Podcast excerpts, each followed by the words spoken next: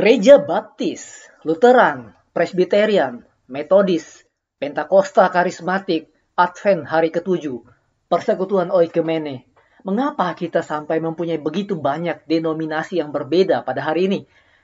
Jika saudara pernah memikirkan mengenai hal ini, maka rekaman singkat ini akan menjelaskan bagaimana denominasi yang berbeda-beda itu hadir, kapan mereka muncul, siapa yang mendirikannya, dan apa saja perbedaan utama dari berbagai denominasi ini.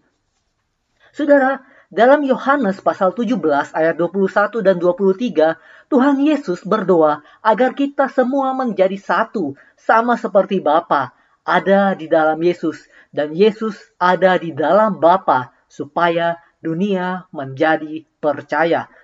Saudara yang mendengarkan rekaman ini mungkin berasal dari latar belakang baptis atau metodis atau Pentakosta atau yang lainnya. Kita semua percaya bahwa Yesus adalah juru selamat dunia dan dia adalah jalan keselamatan.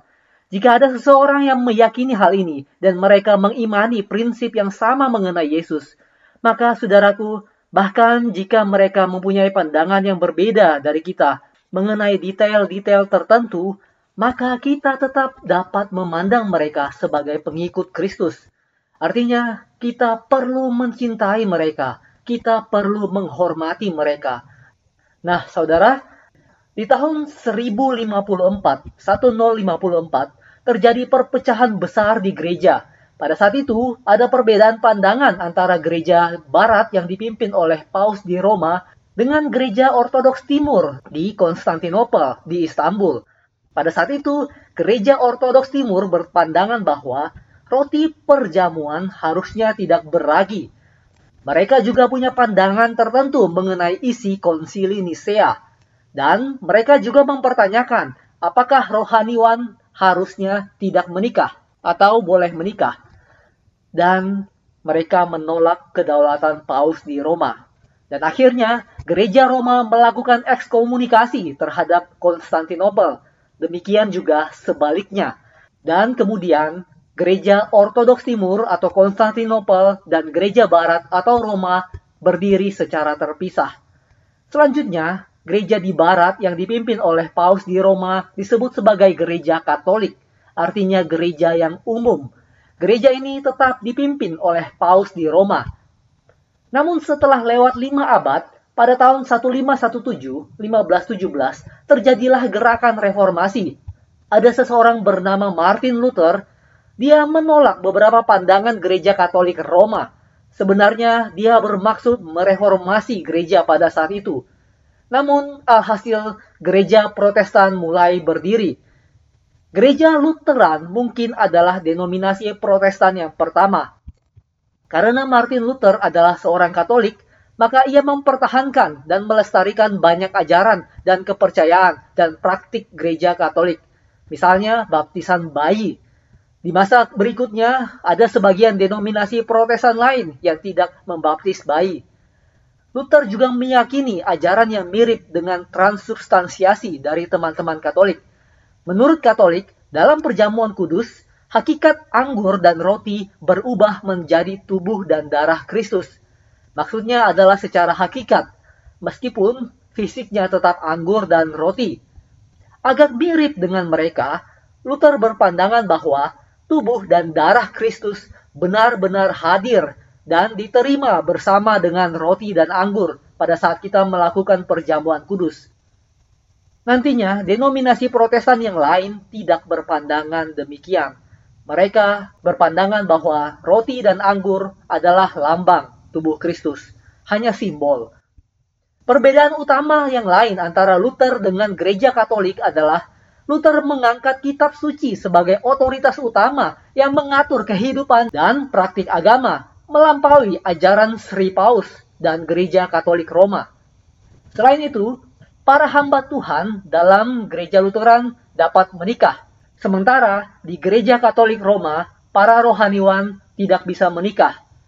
Namun, perbedaan paling besar antara kepercayaan Luther dengan gereja Katolik Roma adalah keselamatan diberikan oleh kasih karunia Allah melalui iman kita.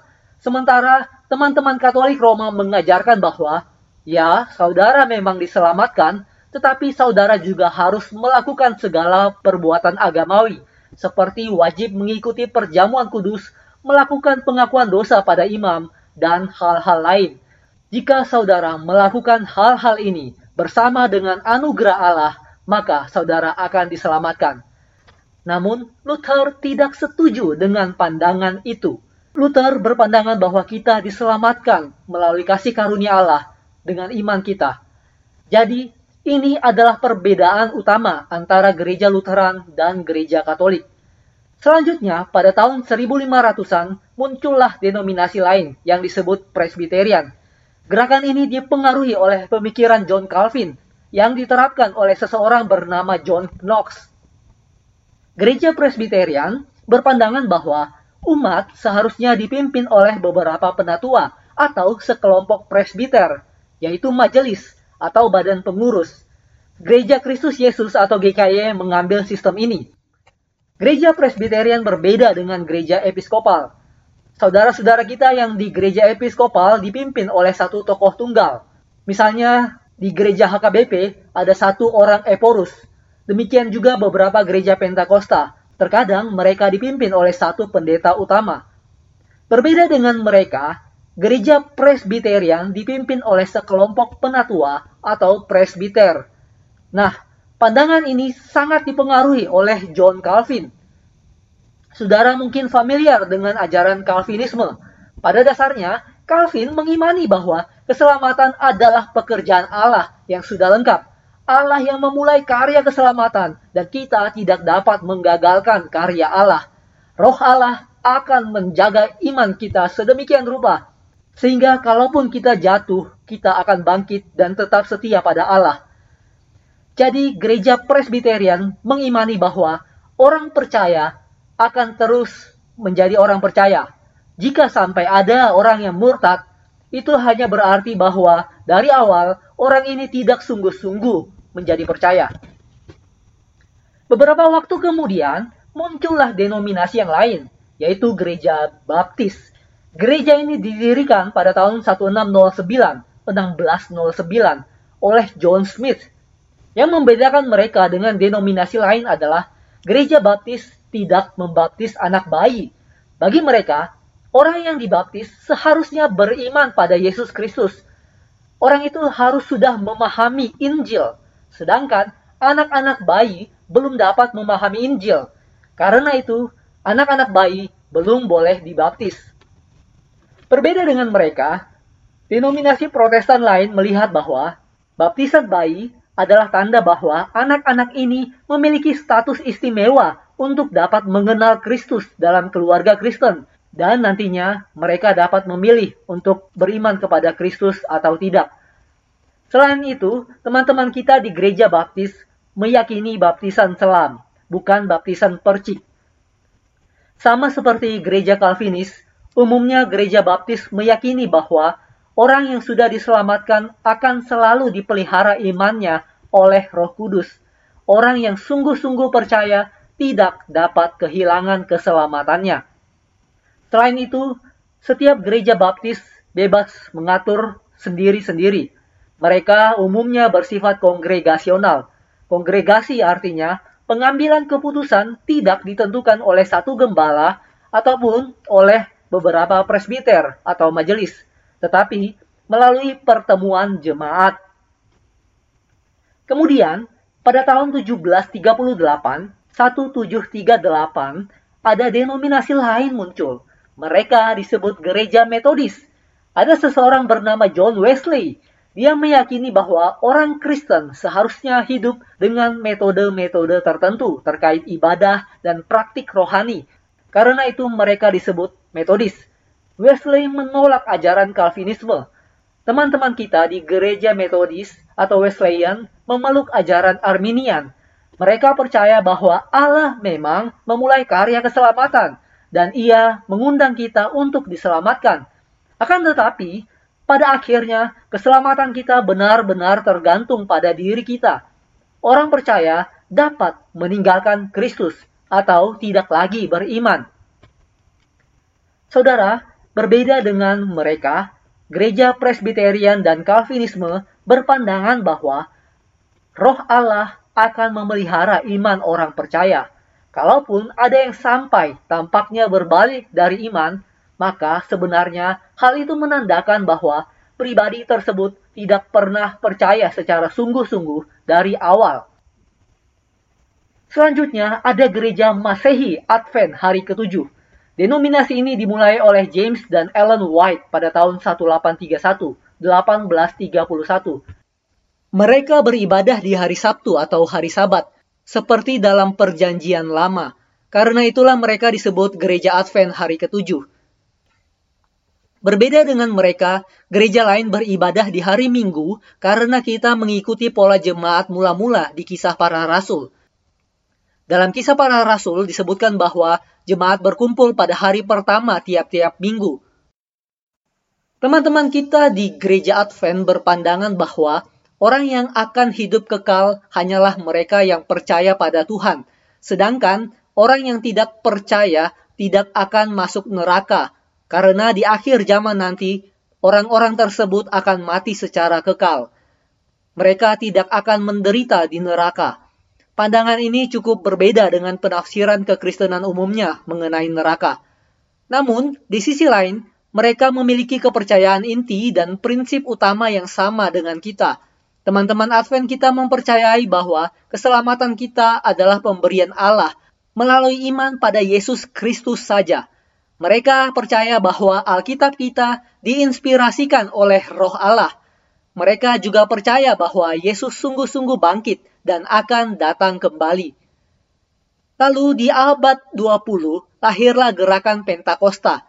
Pada tahun 1906, 1906 terjadi kejadian besar di Los Angeles. Di satu jalan yang disebut Azusa Street. Di Indonesia, pada saat itu Soekarno baru berusia lima tahun. Namun, di Los Angeles, terjadi kebangunan rohani yang terus berlangsung selama 9 tahun hingga tahun 1915. 1915. Selama kebangunan ini, teman-teman Pentakosta mengklaim bahwa terjadi pencurahan Roh Kudus sama seperti yang terjadi di Kisah Para Rasul pasal 2 pada hari Pentakosta. Mereka mengaku bahwa telah terjadi mukjizat, tanda-tanda ajaib, dan pencurahan Roh Kudus. Teman-teman Pentakosta meyakini adanya baptisan roh. Baptisan ini akan membuat kita hidup lebih benar, dapat berbicara dengan bahasa roh, atau mendapatkan karunia-karunia roh yang lain. Entah itu pengetahuan atau kemampuan untuk bernubuat, menyembuhkan orang, mengadakan mukjizat, atau menafsirkan bahasa roh. Dari gereja Pentakosta muncul denominasi lain yang disebut karismatik. Mereka memegang banyak hal yang sama dengan gereja Pentakosta. Nama karismatik diambil dari kata Yunani, karismata, yang berarti karunia. Jadi, gereja karismatik menekankan karunia roh. Berbeda dengan gereja Pentakosta, sebagian gereja karismatik tidak mengharuskan bahasa roh.